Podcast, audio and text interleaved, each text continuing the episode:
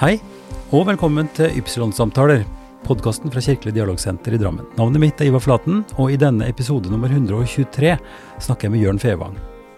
Han ble født i 1960 og vokste opp ikke så veldig langt fra Sanda kirke i Sandefjord. Som åtteåring var han med på konsert i kirka, og hørte da Bachs messe i H-moll. Den musikken gjorde et uutslettelig inntrykk. Dette ville han være med på resten av livet. Jørn fikk undervisning hos den lokale organisten i ti år, før han fikk sin kirkemusikalske utdanning i Oslo. I 1992 ble han og kona Beate tilsatt som kantorer i Bragernes kirke i Drammen. I denne samtalen forteller Jørn om eh, musikk, og særlig om sitt arbeid med kor, liturgi, salmebok, orgelbygging og festival. Da har jeg gleden av å ønske Jørn Fevang velkommen til podkaststudioet. Eh, Jørn, du, eh, du, er en eh, mann som eh, ikke figurerer så veldig ofte i avisa. Jeg bruker jo ofte å kikke gjennom hva som står om eh, gjestene mine. Og det er faktisk overraskende, fordi du har jobba her i byen i 30 år, du. Ja, det har jeg. 30 år, og det er lenge. Akkurat akkurat 30 år nå. Ja. Mm. Det så jeg, og det betyr at du, at du har gjort det bemerka på så utrolig mange vis, fordi at du har vært Du har gitt veldig mye lyd fra deg. Mm. Det må vi kunne si. Det må vi kunne si. I, i embets medfør. Ja. ja. I Bragernes kirke, som kantor. Mm. Um, vi skal skru litt tilbake derfra, fordi jeg har lyst til at vi starter på starten. Og du Det står altså på i Wikipedia, der fant jeg da om deg faktisk, Mm. at du, eh, du fikk undervisning i Sandar. Fra du var ni år gammel. Ja, Det stemmer. Fortell om det. Nei, det, historien var vel at uh, mine foreldre, da jeg var enda yngre enn ni år, så hadde de en nabo som var organist i Sandar. Uh, og de ble veldig gode venner. Uh, og så flyttet den organisten et stykke unna, ikke veldig langt, men et stykke unna. Men de holdt kontakten med han og var omgangsvenner med, med han og kona hans. Og så hadde også den organisten, eller har, en sønn som er på min alder, og vi var mye sammen. Og så begynte det egentlig med det at jeg ble veldig fascinert av det som han, organisten, holdt på med. da. Og det han holdt på med, det var jo kirkemusikk Ja. og orgelspill, Mm. først og fremst. Ja. Er dette noe som familien din eh, er med, eller holdt på med? Nei, ingen andre i familien som har holdt på med noe sånt. Ikke Eh, musikk i det hele tatt? Nei, jeg har en onkel som uh, sang i operakoret i Norsk Opera helt fra begynnelsen og fram til han ble pensjonist. Han blir snart 90 nå. Ja. Uh, så han var musiker, da. Så det var én musiker i familien. Mm. Uh, men det var denne naboorganisten som var tennsatsen på et vis. Ja. Mm. Er ikke det interessant? Jo, det er veldig interessant. Jeg ble veldig fascinert av det. Jeg var med han på lørdager når han spilte bryllup og sånn, Mm. og satt og så på han da. Det er, jo et, det er jo et dyr av et instrument, det der orgelet, med alle disse manualene og pipene og lyden. Det er, Ja, det er- det er kraftfullt, det er liksom ikke trekkspill eller, eller munnharpe. Nei, det er en slags cockpit, da. så det, er jo, det, nei, det fascinerte meg veldig helt fra første stund. Ja. Kan du huske hva det var spesifikt som gjorde at du ble så fascinert? Nei, det vet jeg ikke, men, men jeg var på en konsert eh, Det var før jeg begynte å spille, faktisk, da jeg var åtte. Og hørte, hørte et, stort Bach-verk, Håndmessen, og da bestemte jeg meg vel egentlig der og da på den konserten for at dette skulle jeg drive med videre. Og jeg tenkte egentlig aldri veldig seriøst på noe annet. Det er en veldig rar opplevelse. Ja. Eh, Jeg driver jo med, for så vidt, jeg snakker med mye folk, og, det å ha rare opplevelser, det har jeg veldig sans for. Altså det som vi ikke har ordentlig ord for, men som treffer oss på en måte, som gjør et inntrykk, eller som kan være livsforandrende. Mm. eh, både for små og store. Men du fikk også litt høytidelig, så vil jo noen kunne si at det er et slags kall, eller en slags livs, livsoppgave, eller en livsvisjon. Eh, Ja. Det er kanskje litt tøft å si det en, om en åtteåring, men det var noe i den retning, var det ikke det? Det må ha vært det. Eh, Jeg ser vel egentlig på det sånn. Eh, I hvert fall så har det vært sånn at eh, i perioder hvor jeg er litt oppgitt over jobben og sliten og sånn, så tenker jeg på den opplevelsen, og den holder faktisk. Så det er veldig rart. Og jeg er ikke en person som vanligvis har sånne sterke opplevelser. Nei. Nei, du er ikke sånn utprega karismatiker. Det er vel ingen som Det kan tror jeg ville vært litt overdrevet å si. Ingen svermer, liksom? Nei, men, men Og det var altså et Bach-verk? Det var et Bach-verk. Ja. Ja. Uh, var det, var det Hommelmessen? Ja, det var en sats derfra, da. Ja. Ja. ja. Som gjorde et sånt inntrykk at uh, dette begynte å svinge på et helt annet uh, Ja, jeg husker hvor i verket det var og sånn, så det var, det var, veldig konkret, faktisk. Ja, ja. Mm. Hva slags ord vil du sette på det nå, som reflektert og voksen og har vært i musikk, marinert i musikk i ja, 40 pluss år? Nei, det viste meg i hvert fall at musikk er sterke saker, da. At det, er, at det kan berøre veldig. Mm. Og at uh, teksten får andre ben å gå på enn en hvis det ikke var musikk til. Mm. Mm. Men så er det jo et, et ganske langt lerret, da. Eh, mm. Fra det å bli grepet av musikk og synes det er fint, ikke bare fint, men som det er rystende, på en måte. Dette er noe som du bare må fortsette med. Mm. Så er det et langt lerret for å skulle begynne å mestre En ting er å mestre det tekniske og, og, og instrumentet, mm. men, eh, men, musikalitet, formidling, eh, oversikt over verk, over musikkhistorie, er jo det er ganske mye. Men du begynte altså da nøste sammen med han der eh, organisten. Ja, han var en veldig dyktig klaverpedagog. Han hadde massevis av elever. Og, men flere av oss ble kirkemusikere. Eh, så han var en sånn produsent, faktisk, av, av kirkemusikere også. Eh, og uh, først spilte jeg bare piano med han i mange år. Det gjorde man gjerne på den tiden. Nå begynner man gjerne før med orgel, men etter en stund da så begynte vi å spille orgel også. Mm -hmm. Eh, så de timene hos han var jo ukas høydepunkt på et vis i veldig mange år. Jeg gikk jo derfra jeg var 9 til jeg var 19, da. Ja. Så det var lenge. Ja, ja. Mm. Og det, det, er jo litt spesielt, vil jeg si. Jeg har også vært utsatt for pianolærere.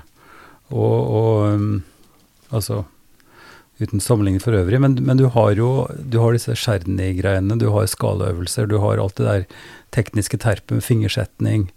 Eh, alt det som er ren på en måte mekanikk eller, eller ja. innterping av bevegelse, eller få hjernen til å funke i forhold til det du skal. Mm.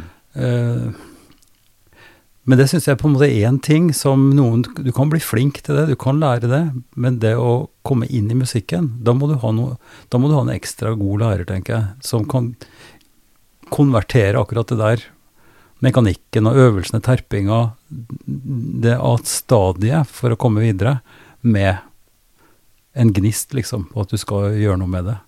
Ja, det, det er et veldig viktig poeng. Han, han, vi drev med tekniske ting, selvfølgelig. Fingerøvelser og skalaer og alt mulig sånt som utgangspunktet er ganske kjedelig, men jeg trivdes egentlig med det. Og han, han, greide fint å kombinere det med at det skulle bli musikk av det. Mm. Og han var, uh, han var en vennlig pedagog, da.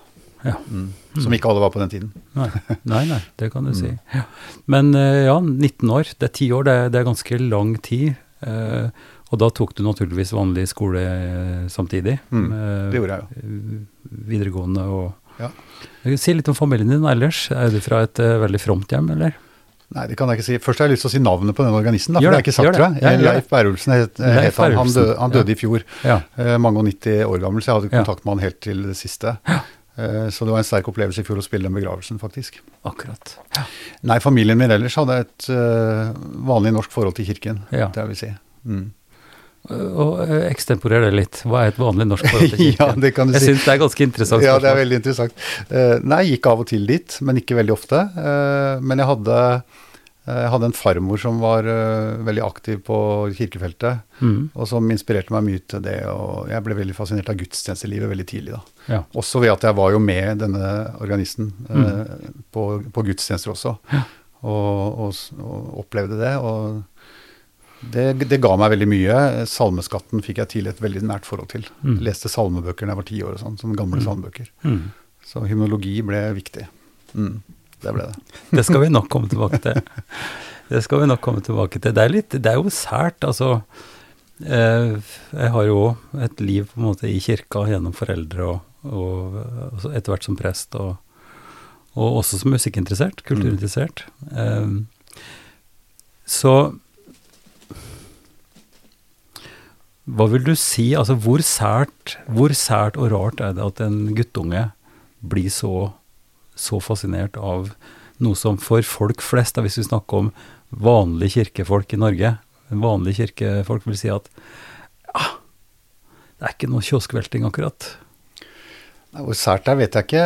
For meg var det veldig naturlig. Jeg tenkte aldri på at det var sært. Jeg øvde jo mye, og, men jeg hadde jo Jeg var jo på måte, mange måter et vanlig barn, tror jeg. Mm. Jeg hadde vanlige venner og, som drev med andre ting som, mm. som de andre gjorde også. Ja.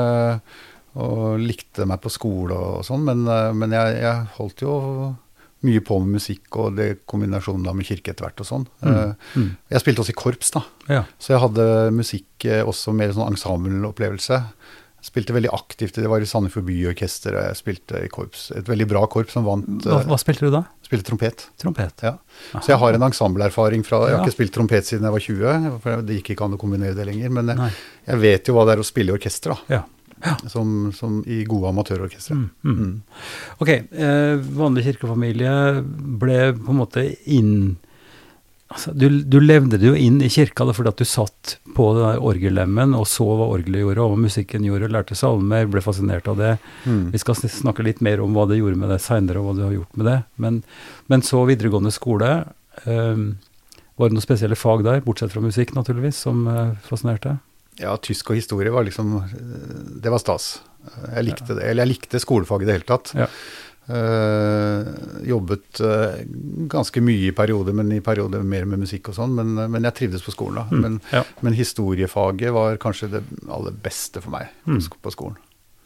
Det er ingen dum ting når du skal jobbe med kirketing, uh, og lære litt om Bach og om eh, Nei, og litteratur og sånn, det, det, det henger jo veldig tett sammen. Det det? Så, det så det var eh, Ja, og jeg skjønte fort at Vi hadde en veldig god lærer som fortalte, som fikk oss til å skjønne at eh, for å forstå din egen samtid må du kunne historie. Ja. Mm. Det er jo mer eller mindre akutt i vår tid. Det er det. Mm. Så det å kunne tenke litt lenger enn til da iPhone kom, liksom. ja, Sjøl om det også virker som vi har hatt en iPhone hele tida. Ja, ikke sant. Vi har en utrolig kort historisk hukommelse. Veldig. veldig. Og, og tolke liksom nåtid som eh, sånn verden er, Mm. Og som om ting har vært sånn bestandig, og ikke minst at det er sånn for alle. Ja. Det fascinerer meg veldig, og er egentlig ganske skummelt. Mm. Men eh, du ble da ferdig på videregående skole, åpenbart sikkert med gode karakterer, det vil jeg tro, og så skulle du videre på musikk. Det var, det var på en måte helt fastlagt, det, var ikke noen diskusjon. Nei, det var ikke noen diskusjon. Det var, det var noen lærere som prøvde å øh, påvirke meg til å gjøre noe annet uh, i forhold til karakterer og sånn, men, uh, men, og det var noen prester som mente at jeg ville, burde bli prest og sånn, og det sjekket jeg liksom ut i min egen bevissthet om, om kanskje var et alternativ, for det kunne det vært. Mm. Uh, absolutt. Men men jeg husker biskop Dagfinn Hauge, som, jeg, som var på slutten av hans tid, da jeg var øh, 17-18 år. og Sånt. Mm. Han var veldig tydelig på at uh, du kommer til å savne musikken veldig hvis du ikke satser på det. Så han Mm. var veldig tydelig på at uh, ikke bli prest. Mm. Mm. Ja, det er jo Altså, jeg er jo sånn i familiens sammenheng også, har vi jo flere musikere og, på forskjellige felt, da. Mm. Eh, fra frijazz til teatermusikk, liksom. Eh, så det å få et råd om å forfølge musikken, det er jo relativt sjelden. Altså en kunstnerisk karriere med musikk spesielt, å bli musiker, er jo en relativt risky affære, hvis en tenker på stabil økonomi og trygghet og sånn. Det som, det som øh, han sa til meg, eh, biskop Hauge, var jo at du aldri, hvis du blir prest, så kommer du aldri til å få en organist du blir fornøyd med. Ja, men sånn er det jo. Sånn, sånn, eh, sånn er det jo kanskje, eh, ja. Men det er, en annen, det er litt, et annet aspekt. Da, for det er klart, kirke, blir du kirkemusiker, så har du jo Det er jo et ordna forhold. Ja, det er det. Eh, ikke sant? Og du kan eh, ha en forutsigbarhet og sånn, mens i, på det frimarkedet mer, så Mm. hvis ikke du kommer inn i et ensemble eller noe sånt, så er det tøft. Mm. Ok, men du kom altså til Musikkhøgskolen Ja. eh, og kirkemusikklinja. Mm. Fortell. Nei, det var jo en periode hvor det var eh, ganske mange søkere til det studiet. Eh, Sånn at i min klasse så var vi ti personer. Eh, Det var maks hva det kunne være. Mm. Så det var en stor klasse da etter, etter forholdene der. Mm. Og dette var i 1979 jeg startet der, og da var jo Musikkhøgskolen ganske ny egentlig, fra 73 da. Mm. Så det var jo Det var en sånn gründerfølelse. Og det var et fint sted å komme. Jeg møtte ma- masse markante lærere og mange gode medstudenter. da. Og opplevde det som mange andre opplever, at du kommer fra et uh, lokalt sted hvor du på en måte er best, og så Mm. kommer du et sted hvor mange andre kan mye mer. Mm. Så det var jo veldig positivt, og, og litt sjokkaktig også. Mhm. Mm. Hvor fort kom du inn i ensembletanken? Spilte du med studenter og sånn? Eller, eller var det liksom orgelet og orgellitteraturen og og, og den uh, linja som var Jeg kjenner ikke nok om studiet. Fortell litt om det. Nei, altså, Det var jo et, det er et ganske breit studie. Mm. Eh, og, og, jeg var veldig fascinert av orgelspill, uh, og sånn, men, men, mest kanskje opptatt av det vokale aspektet. da, mm. Korledelse og, og, den type ting. Og også ja, satslære og komposisjon og sånn.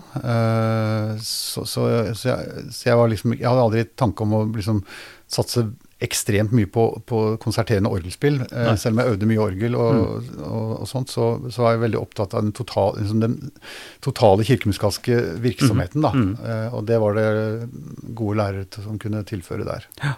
Mm. Er det noe du vil framheve? Ja, det var jo Det var jo Jeg hadde en god orgellærer i Søren Gangfløt, som, ja. som hadde vært professor på, på Musikkhøgskolen som den første, og så hadde jeg gått tilbake til å være domkantor i Fredrikstad, men var timelærer da. Så jeg spilte orgel med han, og det var veldig fint. Eh, orgelfaget var jo litt isolert fra resten, for det var jo time i en kirke med, med den ene læreren alene. Ja. Og ofte savnet jeg linken mellom orgelundervisningen og de andre fagene, faktisk. Mm. Eh, litt også fordi at Musikkhøgskolen den gangen var jo ikke det, nye, det bygget de har nå. Det Nei. var spredt over hele byen, egentlig.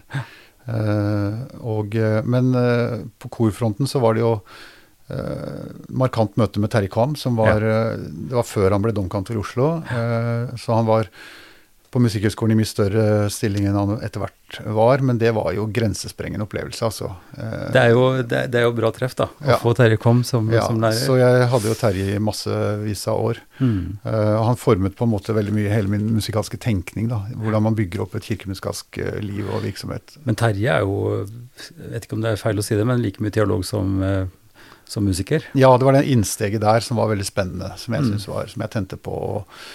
Og, og, så var jo Trond Kverno en viktig person. Mm. Uh, de to sammen var på en måte veldig sentrale elementer i mm. forhold til hvordan jeg opplevde å studere mm. der. Ja.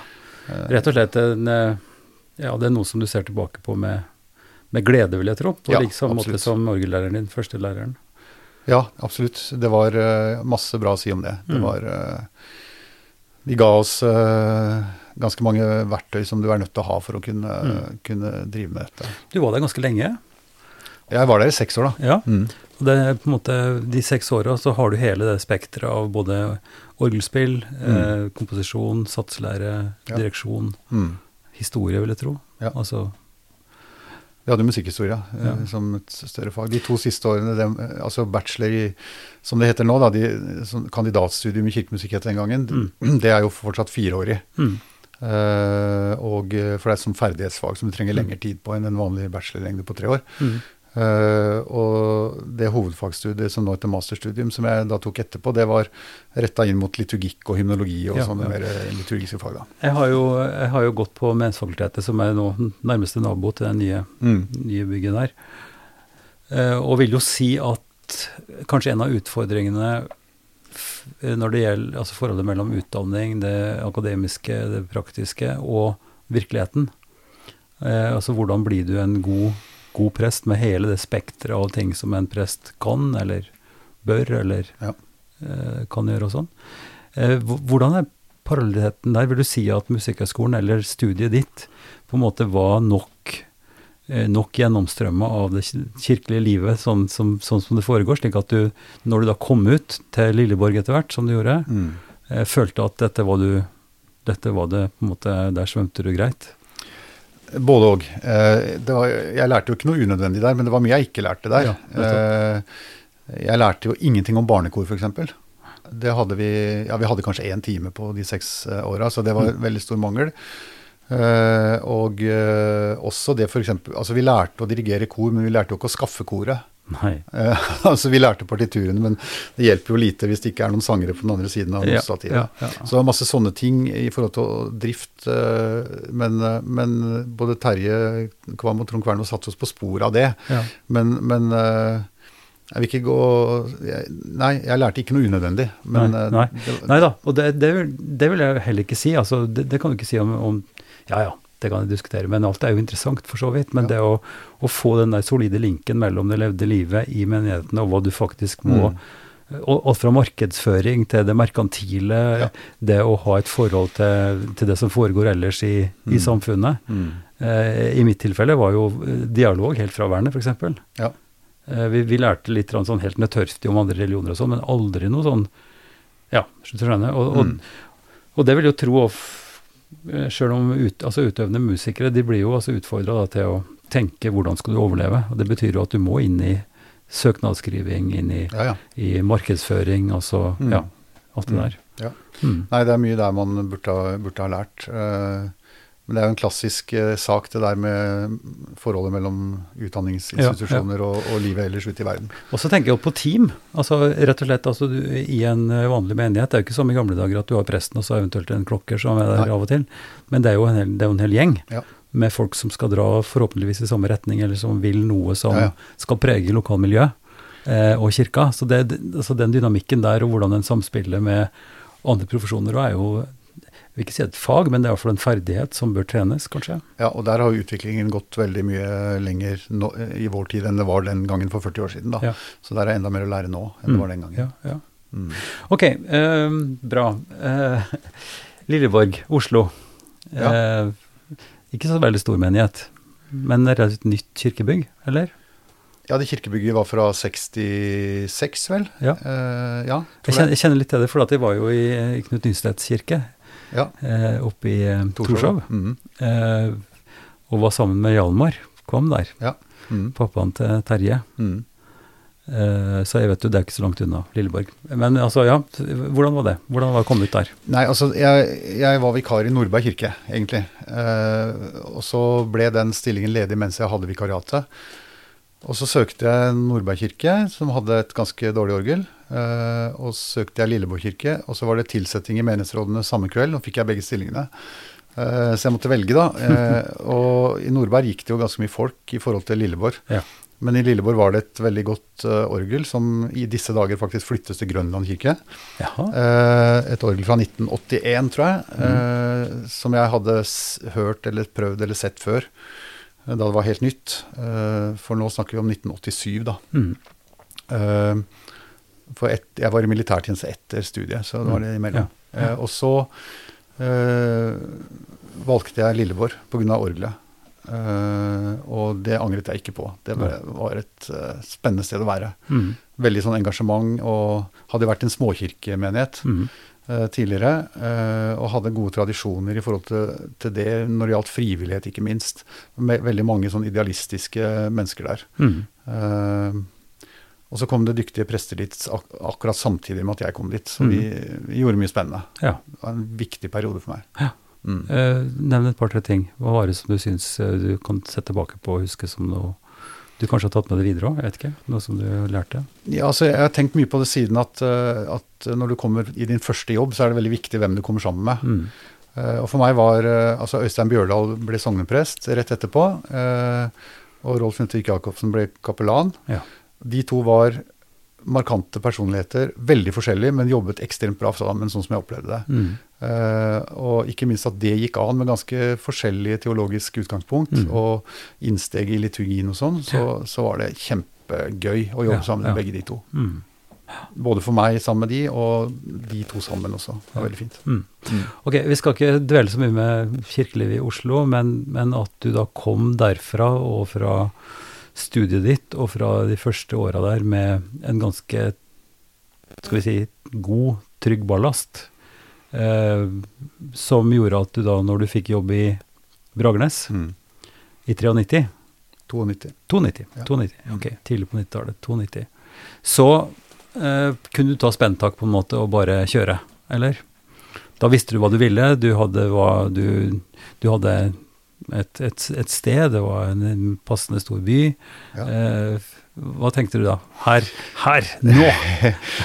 Det var jo det var en viktig periode. altså Beate, kona mi, også kantor, ikke sant? og Ja. vi hadde hver vår stilling. da, Hun var på Ja. Snarøya. Eh, og så hadde vi ett barn, og fikk et barn til. Og så i den, den uh, svangerskapspermisjonen hun hadde da, så var vi enige om at Og vi hadde jo, den gangen var det veldig få frisøndager i forhold til hva det er nå. Mm.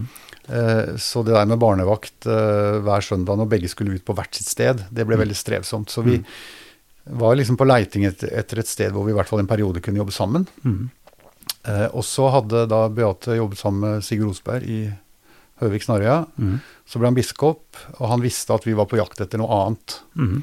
Og så ble Bragernes ledig, så hadde han vært på Visitas rett før det. Og så ringte Sigurd og sa at vi skulle søke der. Ja. Så det var egentlig hans idé, da. Ja. Eh, og det var én stilling, og vi tok, så det var jo en reell nedgang i stillingsprosenter for oss. Eh, jeg var nestleder i Kantororganistforbundet på den tida, så jeg hadde en stilling der også. Eh, men vi søkte hver for oss og sammen. Mm. Eh, Det var massevis av søkere og veldig spennende prosess, og vi var vel nesten de yngste. Og så fikk vi det sammen, da. Eh, og ja, det var ganske spennende på, på intervjuet, fordi de som hadde intervjuet med, med Astrid Bjelbe Bargan i spissen, de veldig, hadde mange visjoner da, om Ja, hva som skulle skje. Ja. Eh, Jeg husker jeg sa at det nytter ikke å gjøre alt det dere nå har sagt på én stilling, så da må vi utvide stillinger. Og hvis dere ikke orker mas om det, så bør dere tilsette noen av de andre. Men de hoppet på det. Ja. Det, løn, det lønner seg å være direkte. Ja, egentlig. Ja, jeg tror det. Jeg Tror det. Nei, så var det jo åpenbart at det var, de hadde bruk for kompetansen din. Det er jo ikke bare at du var stor i kjeften, men at du hadde noe å by på. ja da, det var jo Jeg hadde jo visjoner om kirkemusikk og hvor jeg ville, det hadde jeg jo. Ja, ja. Det hadde jeg. Eh, Det var eh, det var litt tungt sted å komme. Det var, eh, det var ganske traust i forhold til hvordan jeg hadde opplevd kirkelivet kirkeliv i Oslo. Mm. Det var et veldig, veldig dårlig orgel. Mm. Eh, Men, eh, og dessuten hadde de kirkemusikerne, med unntak av han som hadde vært der de to-tre siste årene, i en veldig kort periode, så hadde de spilt veldig mye begravelser. Mm. Nesten alle begravelsene på krematoriet. Og ikke fått gjort så veldig mye annet enn å spille gudstjenester i kirken. da. Mm. Så hvis du skulle starte korvirksomhet og sånn, så var alt Det meste ville være mer enn før. Så det var, Mm. det var lett å få respons på nye, synlige ting. Mm. Det var det. Eh, For meg så er det en lærdom at, eh, at ting skjer ikke i menigheten eller noe som helst annet sted uten at det er noen som vil noe. Mm. Eh, Du har behov for folk som eh, kan støtte, og som, eh, som er sympatiske eller kan bidra til å få ting til å skje, men det må en vilje og en visjon til. Mm.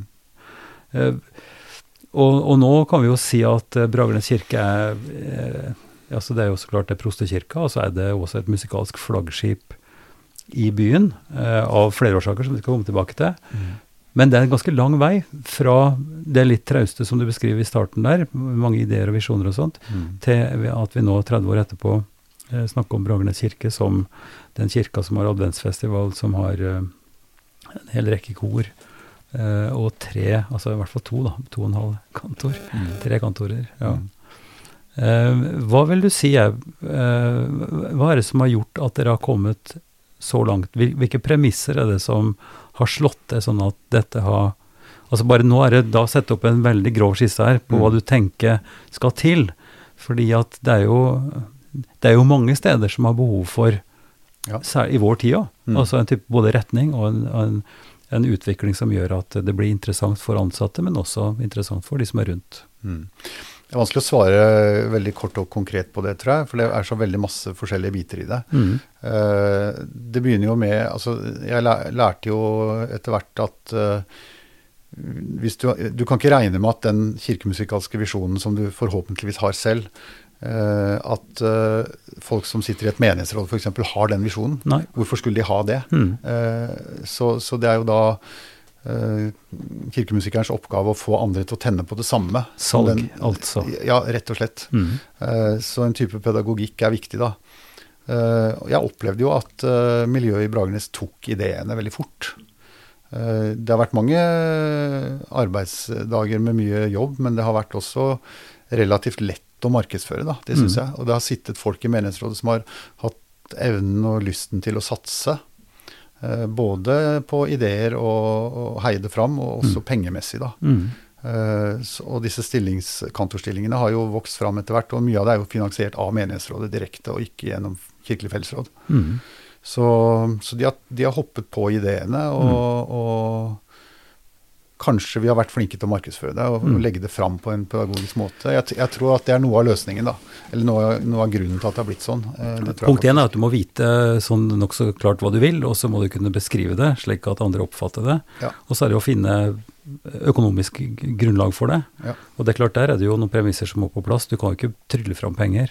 Og en vanlig menighet har jo ikke store fonds og, og sånt noe.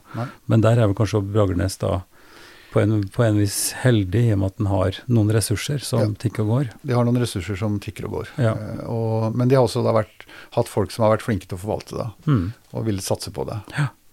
Og markante ledere i menighetsrådet. Også litt, også litt tydelighet òg. Altså, hva som er tydelighet og makt, eller sterk vilje i forhold til andre viljer. Mm. Det er jo noe der òg. Ja. At en ikke så lett gir opp eller blir frustrert og, Mm. og, og sånt noe, men at en er så klar på sin vilje og sin retning at en er villig til å ta noen fighter òg.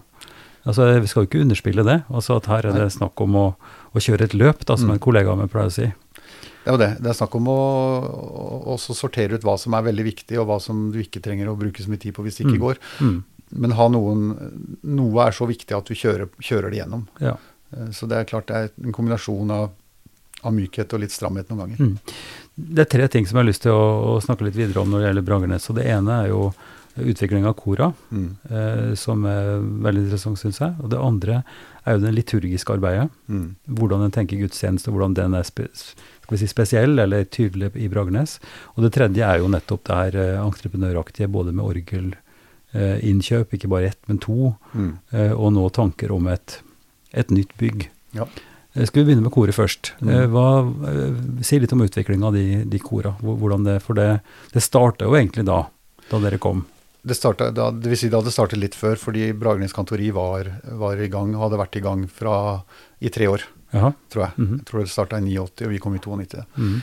Uh, Så det var, var kor, et kor i gang der. Uh, Og så var det et uttalt ønske om å få starte barnekorvirksomhet. Mhm. Så vi startet uh, uh, jentekoret først. Uh, og, og da var det veldig sånn Ja, det er ikke sikkert dette går i Drammen, og dere må ikke bli lei dere hvis ikke det kommer noen og sånn. På første øvelsen så kom det 60 jenter. Ja. Og da var alle veldig begeistret, men flere sa at dere må ikke bli knust hvis de ikke kommer tilbake neste uke. Men da kom det enda flere. Så det begynte liksom på den måten i forhold til barnekorvirksomhet. da. Eh, Og så bygde det seg på. Vi starta guttekoret eh, året etter.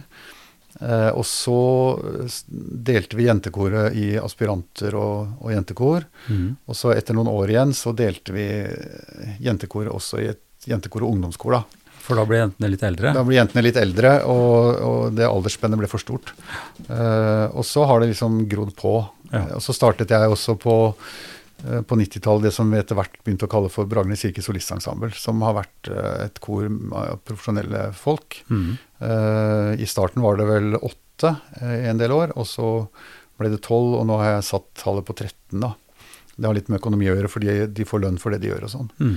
Uh, men det er gøy å jobbe med. Uh, så det har vært eh, Det er mange mennesker hver uke som du møter. Mm, mm. Litt sånn opp og ned hvor, hvor mange det har vært. Men eh, nå tror jeg det er sånn 150-60 personer sammen.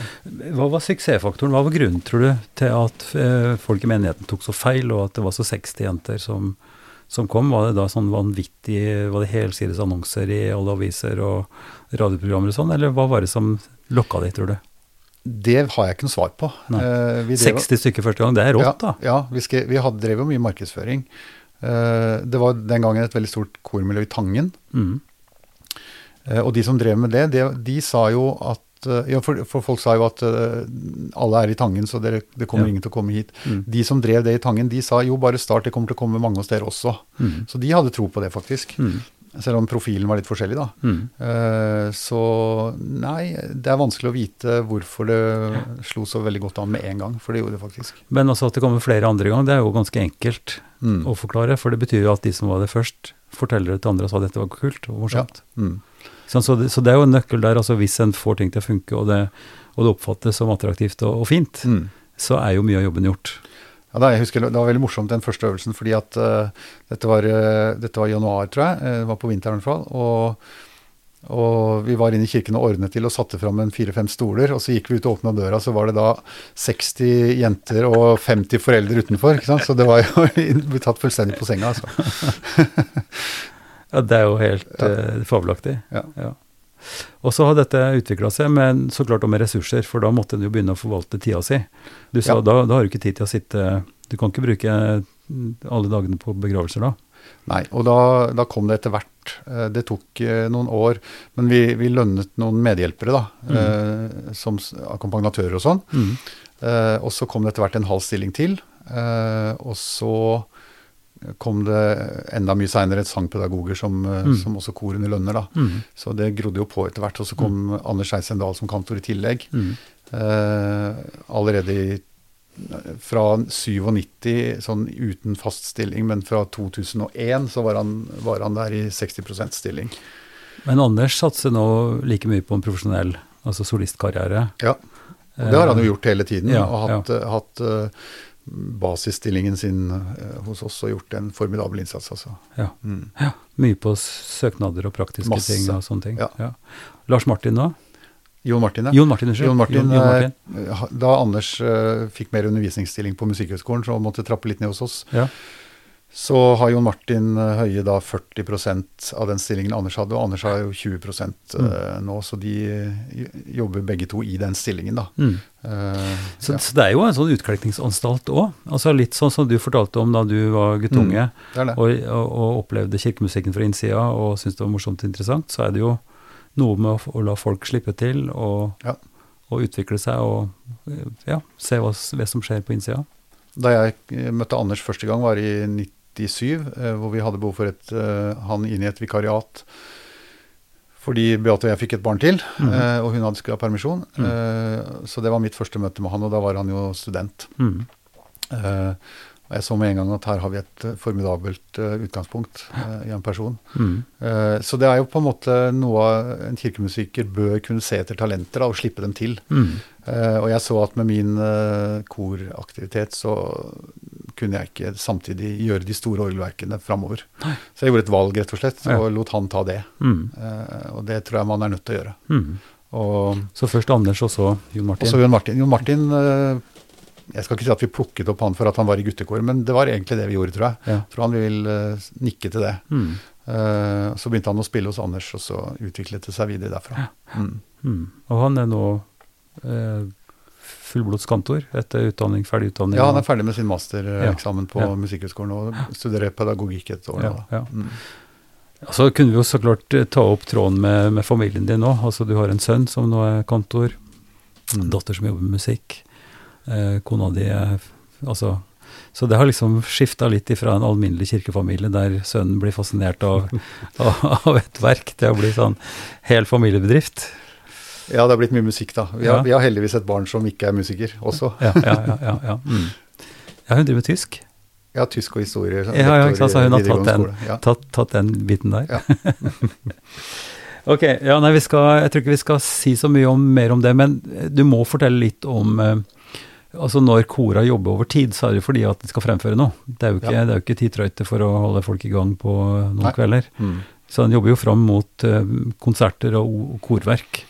Eh, og nå når denne blir sendt, så nærmer vi oss alle helgens. Mm. Eh, og det er jo et markant tidspunkt, og så klart i tillegg til, til jul og, og sånt noe. Ja. Eh, kan ikke du si litt om de verka, og hvordan de kora dine samvirker med, med, med de verka? Vi gjør jo en del ting eh, med ett og ett kor, og så gjør vi en del ting sammen, da. Mm. Eh, På Allehelgenssøndag så er det kantoriet, det store voksenkoret, som synger på den høymessen på formiddagen. Mm. Eh, og så er det ungdomskoret. Ungdomskoret er da jenter fra åttende klasse oppover, Mm. som eh, gjør konsert på kvelden. Mm. Så det er den dagen.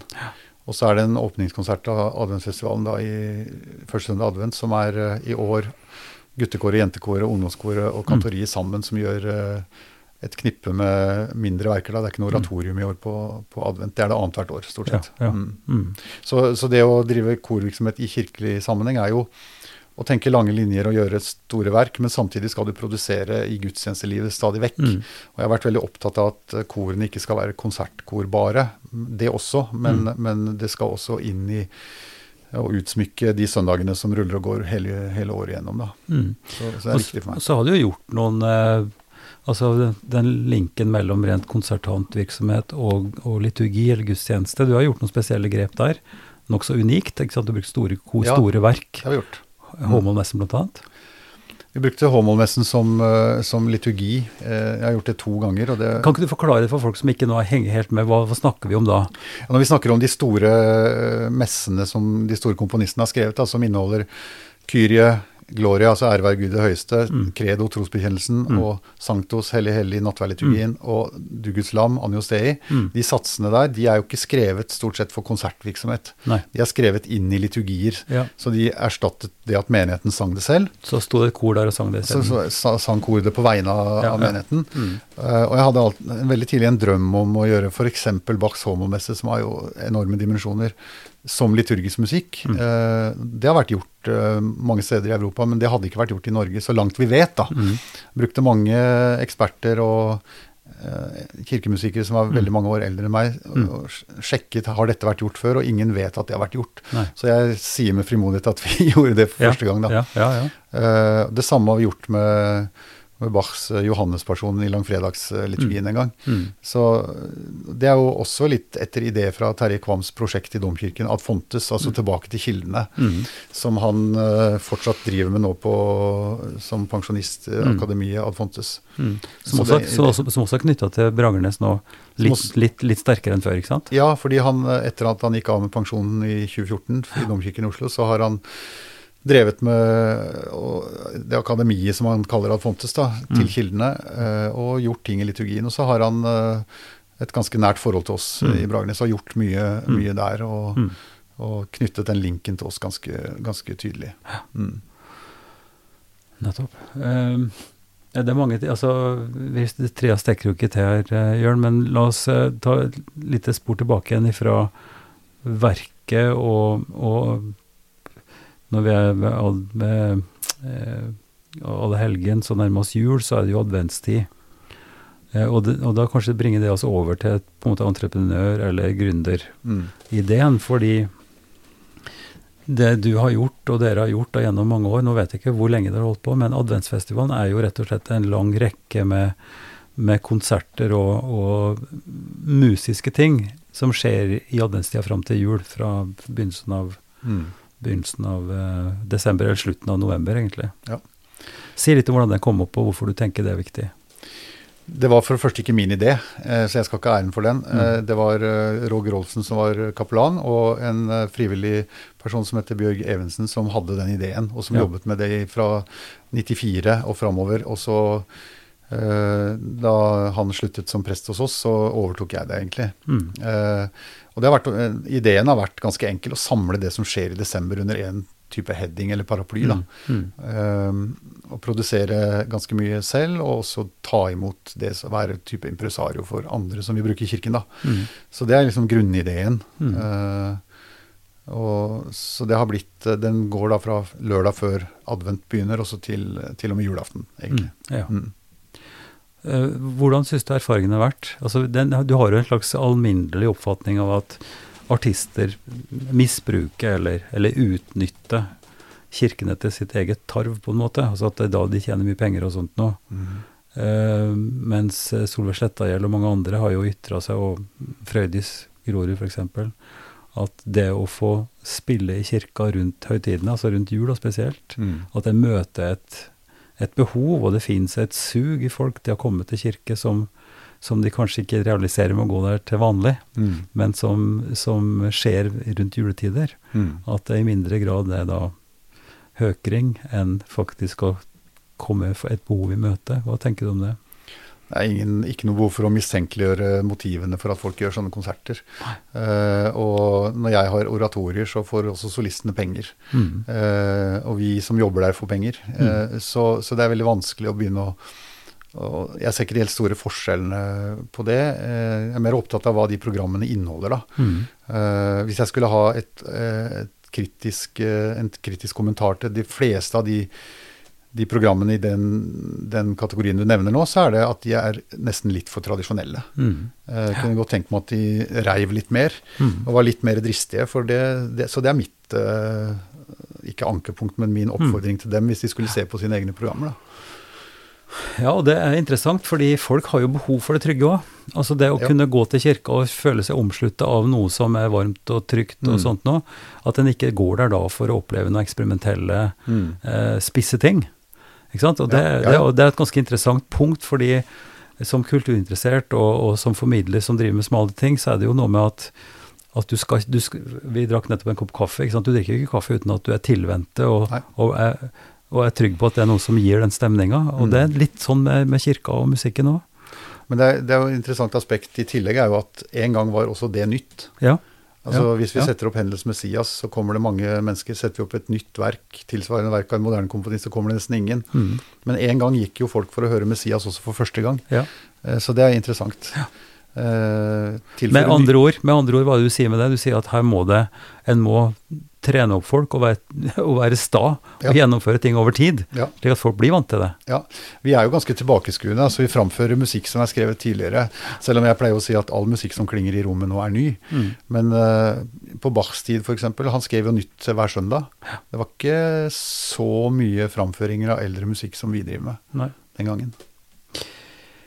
Det kan du si, men eh, ja, vi kan ikke gå inn Da blir det nerving hvis vi skal begynne å snakke om Bachs eh, kantater. Men det er, jo, det er jo et eventyr, altså at det går an å slenge på bordet Ja, ja, skrive et stoff Ja. som er skissa, eller som har noen sånne rammer. Du måtte jo være musiker for å Altså, det var jo ikke fullt utskrevne partiturer som vi Det har nå. er utrolig eventyr Ja. at det gikk an. Så det går an å Det kan vi, det kan vi dedikere en hel serie på, egentlig. Ja.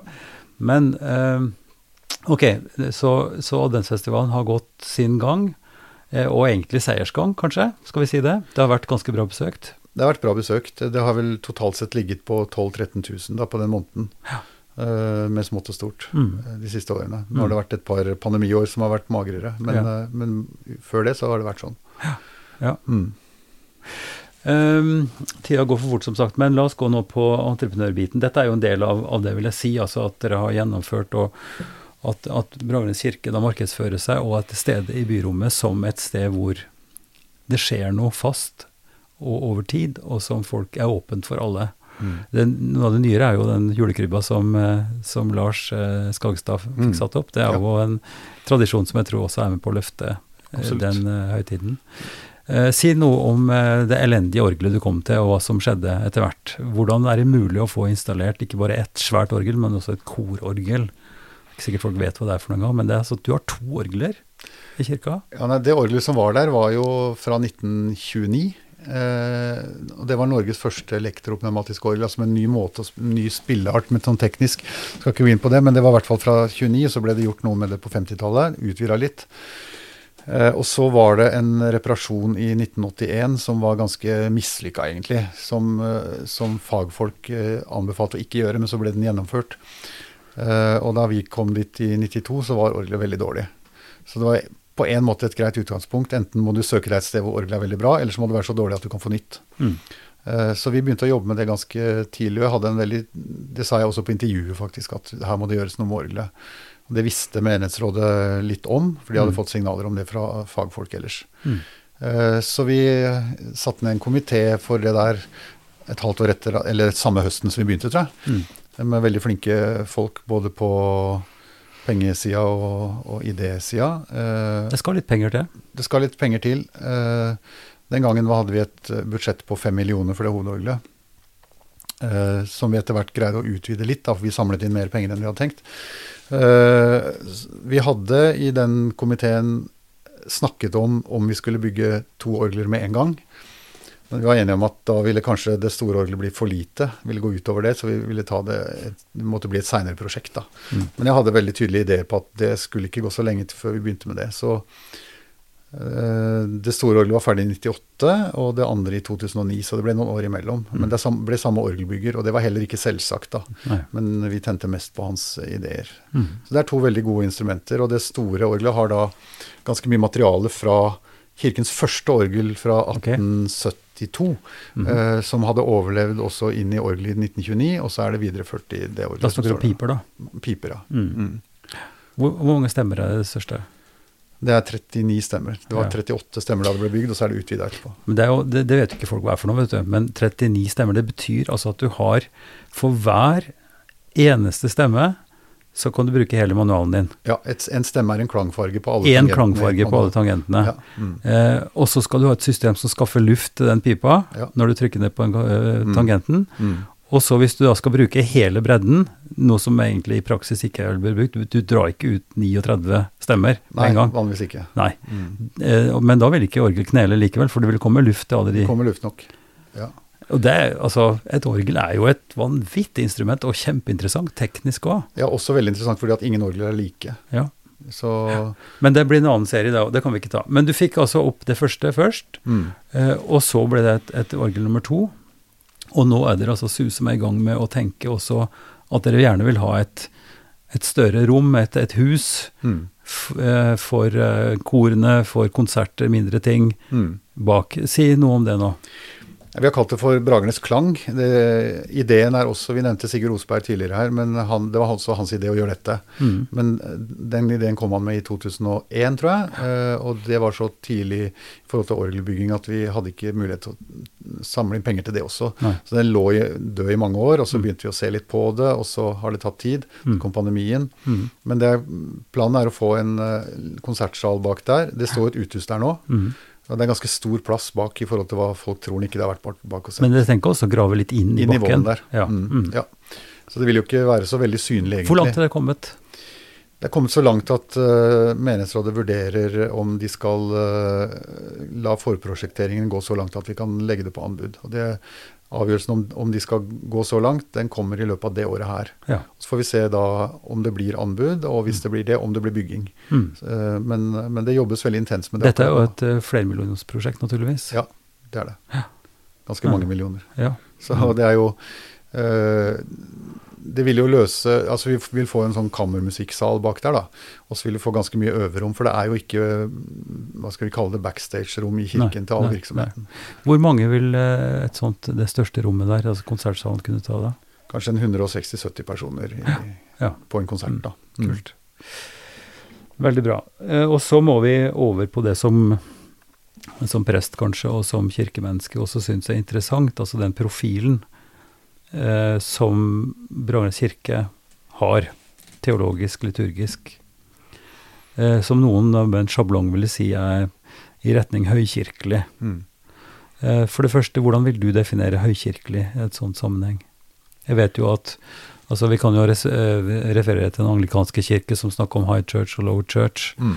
Eh, anglikanske kirke som er veldig tett på high church og Mm. katolsk praksis, ikke sant? Med, med, hvor, hvor en legger vekt på, på det liturgiske eh, språket, med drakter, med røkelse, med ja, alt det der. Mm. Hva vil du si altså, i en norsk setting høykirkelighet handler om? Det kan handle om mye. Jeg har sett, mye, jeg har sett en del høykirkelighet i Norge som har vært, blitt veldig stivt. Eh, Så høykirkelighet er ikke nødvendigvis positivt for meg heller. Eh, Jeg tenker Det, det som har vært i hvert fall min idé når jeg har vært med å utvikle gudstjenestelivet i Bragernes, det har vært å, å bruke de vedtatte liturgiene som Kirkemøtet har gitt oss i maksimalutgaven. da. Mm. Uh, og så har liturgiske klær på kor og tjenestegjørende og sånn fulgt med på det. Mm. Uh, det vil jeg kalle kirkelig og ikke høykirkelig nødvendigvis. Mm. Eh, og jeg møter jo noen som tror at vi bruker røkelse i Bragernes hver søndag. Vi gjør kanskje én eller to ganger i året. Mm. så det, er, Ja, så det skapes noen myter Ja, også. ja, ja. Eh, men, men poenget er først og fremst å få folk til å synge liturgien, og at liturgien er gjennomtenkt. Mm. At den er øvd på, sånn at det ikke er at det ikke lugger, at det ikke er dårlig framføring. Da. Så, så det handler mye om det, at, Mm. det er, eh, at det er øvd på, at det glir godt. da, og Det skal jeg ikke påstå at vi får til alltid, men vi prøver i hvert fall. Mm. Uh, og mitt utgangspunkt er at uh, liturgien skal, skal synges og skal ta litt av, da. Mm. Uh, så jeg nevnte at jeg ikke nødvendigvis er et karismatisk menneske, men jeg er det når det gjelder liturgi, tror jeg. Ja, ja, ja. Det er ingenting som er så karismatisk som når liturgien lever på de store dagene, særlig. da. Det blir jo en syntese mellom det sugne og altså. Det er noen som sier, altså teologer som sier at eh, bønnene virker dobbelt så godt når de synges. Og, det, og hva det virker på og for, Mm, det er jo først og fremst oss som gjennomfører det. Altså at det blir en større helhet. Og at det griper oss på en annen måte og gir en annen Mm. retning og, og farge.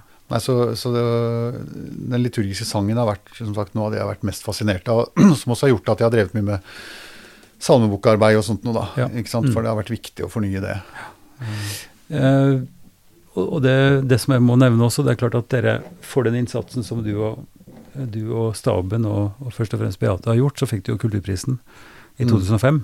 Kommunens Ja. kulturpris. Mm. Ja. Og det er jo et klapp på skulderen og en slags anerkjennelse, naturligvis, eh, som kommunen gir til, til noen hvert år. Mm. Eh, og det er jo grunn til å være stolt av. Det var hyggelig å få den. Ja, Mm. ikke sant? Ja, det, det er en absolutt. bekreftelse på at den Mm. er på rett spor. Mm. Det andre som jeg har lyst til at du skal si litt om, det er jo det engasjementet du har i, nettopp som du nevnte, med salmebokkomiteen og liturgisk arbeid på Mm. et eh, skal vi si, nasjonalkirkelig nivå. Ja. Eh, Hva, hva er greia med det? Hvorfor syns du det er interessant? Nei, jeg kom tidlig inn i altså det som, som nå heter Nemnd for gudstjenesteliv. Eh, Kirkens gudstjenesteråd het det den gangen. Eh, var der i veldig mange år og var med å utforme liturgier og, og vært veldig fascinert av det. For jeg har hatt visjoner om jeg, hvor, jeg, hvor jeg vil med det. Mm. Eh, og det medførte også at jeg var veldig sånn engasjert i utviklingen av vikslingen av kantortjenesten f.eks. Mm. Eh, og liturgier for det. Og, og så var jeg da med på å lage den nåværende salmeboka, da. Ja. Eh, i, som jo var et forslag fra en komité i 2008. Og så fikk ikke det så veldig god mottakelse, så nedsatte Kirkemøtet en person, fempersonskomité da, i 2010 må det ha vært, Mm. som da skulle jobbe med å, å lage et eh, forhåpentligvis endelig forslag som Kirkemøtet kunne ta stilling til. Og det Mm. var, det var spennende arbeid. Veldig, ja. veldig morsomt. Eh, jeg har jo eh, møtt forskjellige folk, og bl.a. John Bell, som er en fascinerende kar i Skottland, som Mm. har jobba mye i forhold til Iona-fellesskapet. Ja. Og det som slo meg når vi snakka sammen eh, og spilte sammen, det var jo at, at tradisjonelt så var det fryktelig lite folkemusikk Mm. inn i den grenen av kirkemusikken, Ja. eh, i, den, i den kirkefamilien. Hvor eh, John har gjort en, eh, en sabla innsats, stor Mm. innsats, på å Mm. koble nyskrevne tekster til Altså kirkelige salmetekster til, til folkemusikk. Mm. Mens vi her i landet har jo vært velsigna med den koblinga gjennom svært mange år. Ja, men egentlig så er det mye å si om det, fordi det, vil, det er veldig rart at ikke det kom tidligere. Ja. Fordi de første folketonene kom i, i koralbok og salmebok hos oss på 1920-tallet. I koralboka, ja. Ja, i Mm. koralboka. Ja. Og det er jo veldig rart, egentlig, fordi Ludvig Mathias Lindemann, som var den store komponisten av kjente salmer, Påskemorgen osv., Ja. på 1800-tallet, han samlet jo massevis av folkeviser og folkemelodier og folketoner. Mm. Og lagde koralboka i 1877, men tok ikke folketonene inn, for ett sted gikk jo grensen. ja. Så folketonene var fortsatt ikke helt verdige. Si noe om den grensen, for det, det har engasjert meg mye. For Mm. det er jo en følelse av at det er en slags verdslighet. Det henger noe odiøst og kanskje til og med syndig med dem? Det kan det være. Eh? Men eh, Lindemann jobbet jo tett med Landstad da, i Ja. forhold til det, det der, og de tok altså ikke det inn. Eh, og jeg har ennå ikke fått noen god forklaring på, på hvorfor, hva de har tenkt. Men, eh, men det kommer altså ikke før eh, med Landstad reviderte salmebok i 1920. 20-åra. Mm. At eh, folketonene virkelig kommer inn. Så hvis man blar i Lindemanns koralbok, han som samlet alle de folketonene vi kjenner mest fra våre nåværende salmebok, Mm. han tok ingen av dem inn i salmeboka si. Det fins ingen i hans koralbok. Men det må jo ha en grunn i at det ble ansett som risikabelt eller uheldig eller ikke-kirkelig, eller skulle skape anstøt eller et eller annet. Ja, det, man kan jo, jeg kjenner i hvert fall en setning som ble sagt eller skrevet om Landstad da han ble bedt om å lage salmeboka, som da var ferdig i 1869, så det var ganske mange år før det, hvor kritikerne sa at eh, man kunne ikke be Landstad gjøre, gjøre dette fordi han hadde besudlet sine fingre med å samle folkeviser. ja. Og det var nok eh, Det var for folkelig. omtrent som å spille fele i kirken, altså. Ja. Men, men at det er en slags nivågreie der. At Ja. det som eh, går i det brede lag av folket, og som synges eh, til Mm. gamle folkevisetekster, at det blir at det er noe annet. Og det var jo det som var argumentet i Skottland, tror jeg òg. Ja, sikkert. At her hadde de, har sats som var ferdig, det var noen Mm. standardgreier, og de kunne jo ikke ta en ny tekst heller. Nei. De sang jo bare de 150 bibelske salmene. Ja. Mm. Så det er jo et eller annet med at verdigheten, eller Altså det blir ansett som eh, ja, ikke kristelig nok, eller altså, ja, det hadde det grodd ut av, miljøer man ikke var sikker på og trygg på. Ja. Eh, Det er veldig interessant, for det, at det, det er mange komponister som har sagt at eh, det er irriterende at folketonene alltid er bedre enn det vi kan greie å lage selv, for de er gode alltid.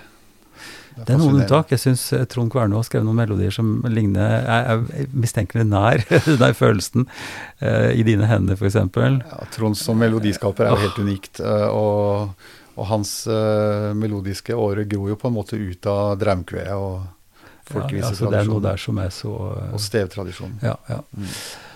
Wow. Nei, det, det, der, eh, det der er et stort felt og interessant, fordi jeg tenker også det, og det går Det er jo noe som vi kanskje du kan kommentere litt på. Hva er det som det går, an- går an å ha i kirka? Du har jo sagt noe om at all musikk er god musikk, eller ikke sant. Mm. All, all, det er ikke formavhengig, eller, eller sjangeravhengig heller. Uh, men hvis vi snakker f.eks. om Erik, da, Erik Hillestad, Mm. og den har gjort i Kirkelig kulturverksted, og bringe inn eh, skal vi såkalte sekulære artister til å synge salmer. Mm. Det å lage det møtet, eh, et slags mentalt møte, da, Mm. mellom folk som står i en annen tradisjon, eller som kanskje har et annet tekstgrunnlag, eller, eller musikk som i utgangspunktet ikke er skrevet for kirkebruk. Mm. Altså det kulturmøtet, noe som jeg er mer enn vanlig opptatt av, at der skapes det noe som er utrolig sterkt, Mm. og potensielt eh, forandrende også. Mm. Ikke sant? Se, riste til litt støv av ting, og se ting på en ny måte. Ja, det er som med gregoranikken, at den tåler mange innpakninger. Eh, og det å definere hva som er kirkemusikk, det er nesten ikke Det er, det er helt umulig, egentlig, og det er ikke så veldig viktig heller. Uh, men det, det er selvfølgelig en interessant debatt om uh, hva ødelegger en kontekst, og hva, hva gjør konteksten med det som framføres. da. Mm. Det er interessant, Mm. og ganske spennende debatt. Ja. Ganske vanskelig og ikke noe fasitsvar på det.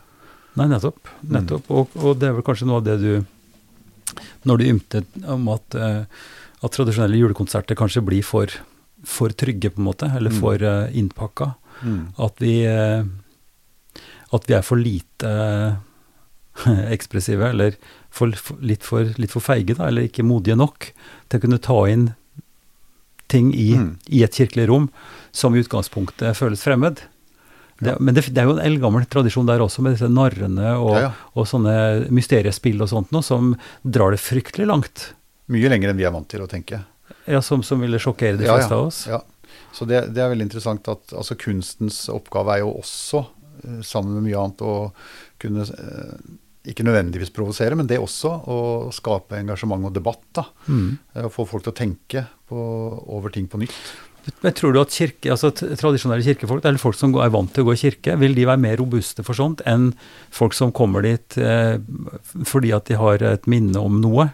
Altså at kirka har en litt annen eh, skal vi si, annen karakter. Dette er litt vanskelig å sette ordentlige ord på, men, men at det, det er på en måte ulike behov. Mm. For jeg tenker jo i den tida vi er i nå, så burde kanskje kirka være enda mer modig og enda mer progressiv, eller, Mm. eller sånn for å ta tak i ting og, og prøve å bidra til å gjøre folk robuste, eller, eller, eller finne ut av hvordan en skal leve i en sånn konflikttid som vi er i nå. Istedenfor at en skal gå inn i et sånt trygt, varmt rom og, og, og der, hvor tradisjonen er, er framtredende. Burde Mm. vi ikke nettopp bryte oss noen nye veier og, og finne ut øh, ja, jeg, jeg, skjønner hva jeg mener. Det er et eller annet her som, Mm. som jeg tror kunsten og i særklasse eh, kan bidra med, eller kanskje kirka, da, og kirkekunsten og kirkerommet Mm. burde bidra til, og da dermed kanskje skape brudulje for folk som forventer noe annet, og syns at dette må i hvert fall kirka ikke gjøre.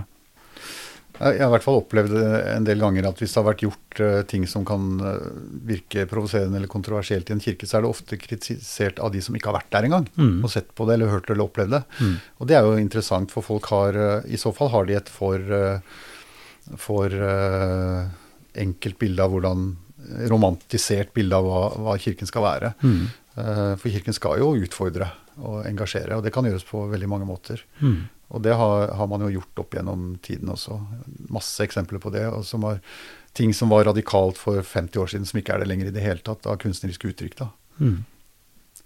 Mange eksempler på det. Ja, tida vår har gått, rett og slett. Uh, vi får gjenta det at det skjer ting altså på allehelgensdagen. Mm. eh, dagen, eh, rett etter at denne sendinga går på lufta, som vi ønsker velkommen til. Og det har du noen høydepunkter på i adventsfestivalen? Åpninga blir naturligvis fin. Åpningen er eh, alltid fin, eh, så vi prøver å gjøre det bra med ganske et sammensatt program med, med større og mindre komposisjoner. Da. Så, så blant annet skal vi synge mitt Tedeum, som jeg skrev til eh, Ja. Mm. Kirkens 150-årsjubileum i fjor. Da. Det er jeg litt stolt av, faktisk. Ja, Mm. ja. Mm. Ellers i, i festivalen, adventsfestivalen utover. Så er det, mye, det er mye som skjer. Det er Ungdomskor har Ja. en egen konsert. Du tenker på ting utafra, liksom. Er det noe du har merka det som er spesielt interessant, eller blir det feil å om det er kanskje å si noe om det? Det er vanskelig å dra fram noe enkelte Ja, ting, tror jeg, men det, er, det er mye, masse ting. Det er nesten hver dag et eller annet som skjer.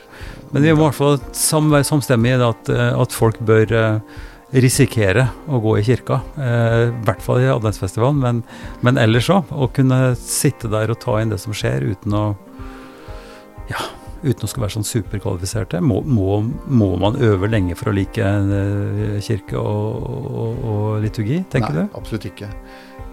Faren med å gå i kirken og oppleve bra liturgi er jo at du kommer til å gå dit en gang til.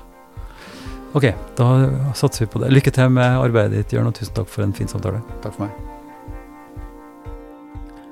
Takk for at du lyttet til Ypsilon-samtalene. Denne podkasten som gis ut av Kirkelig dialogsenter i Drammen.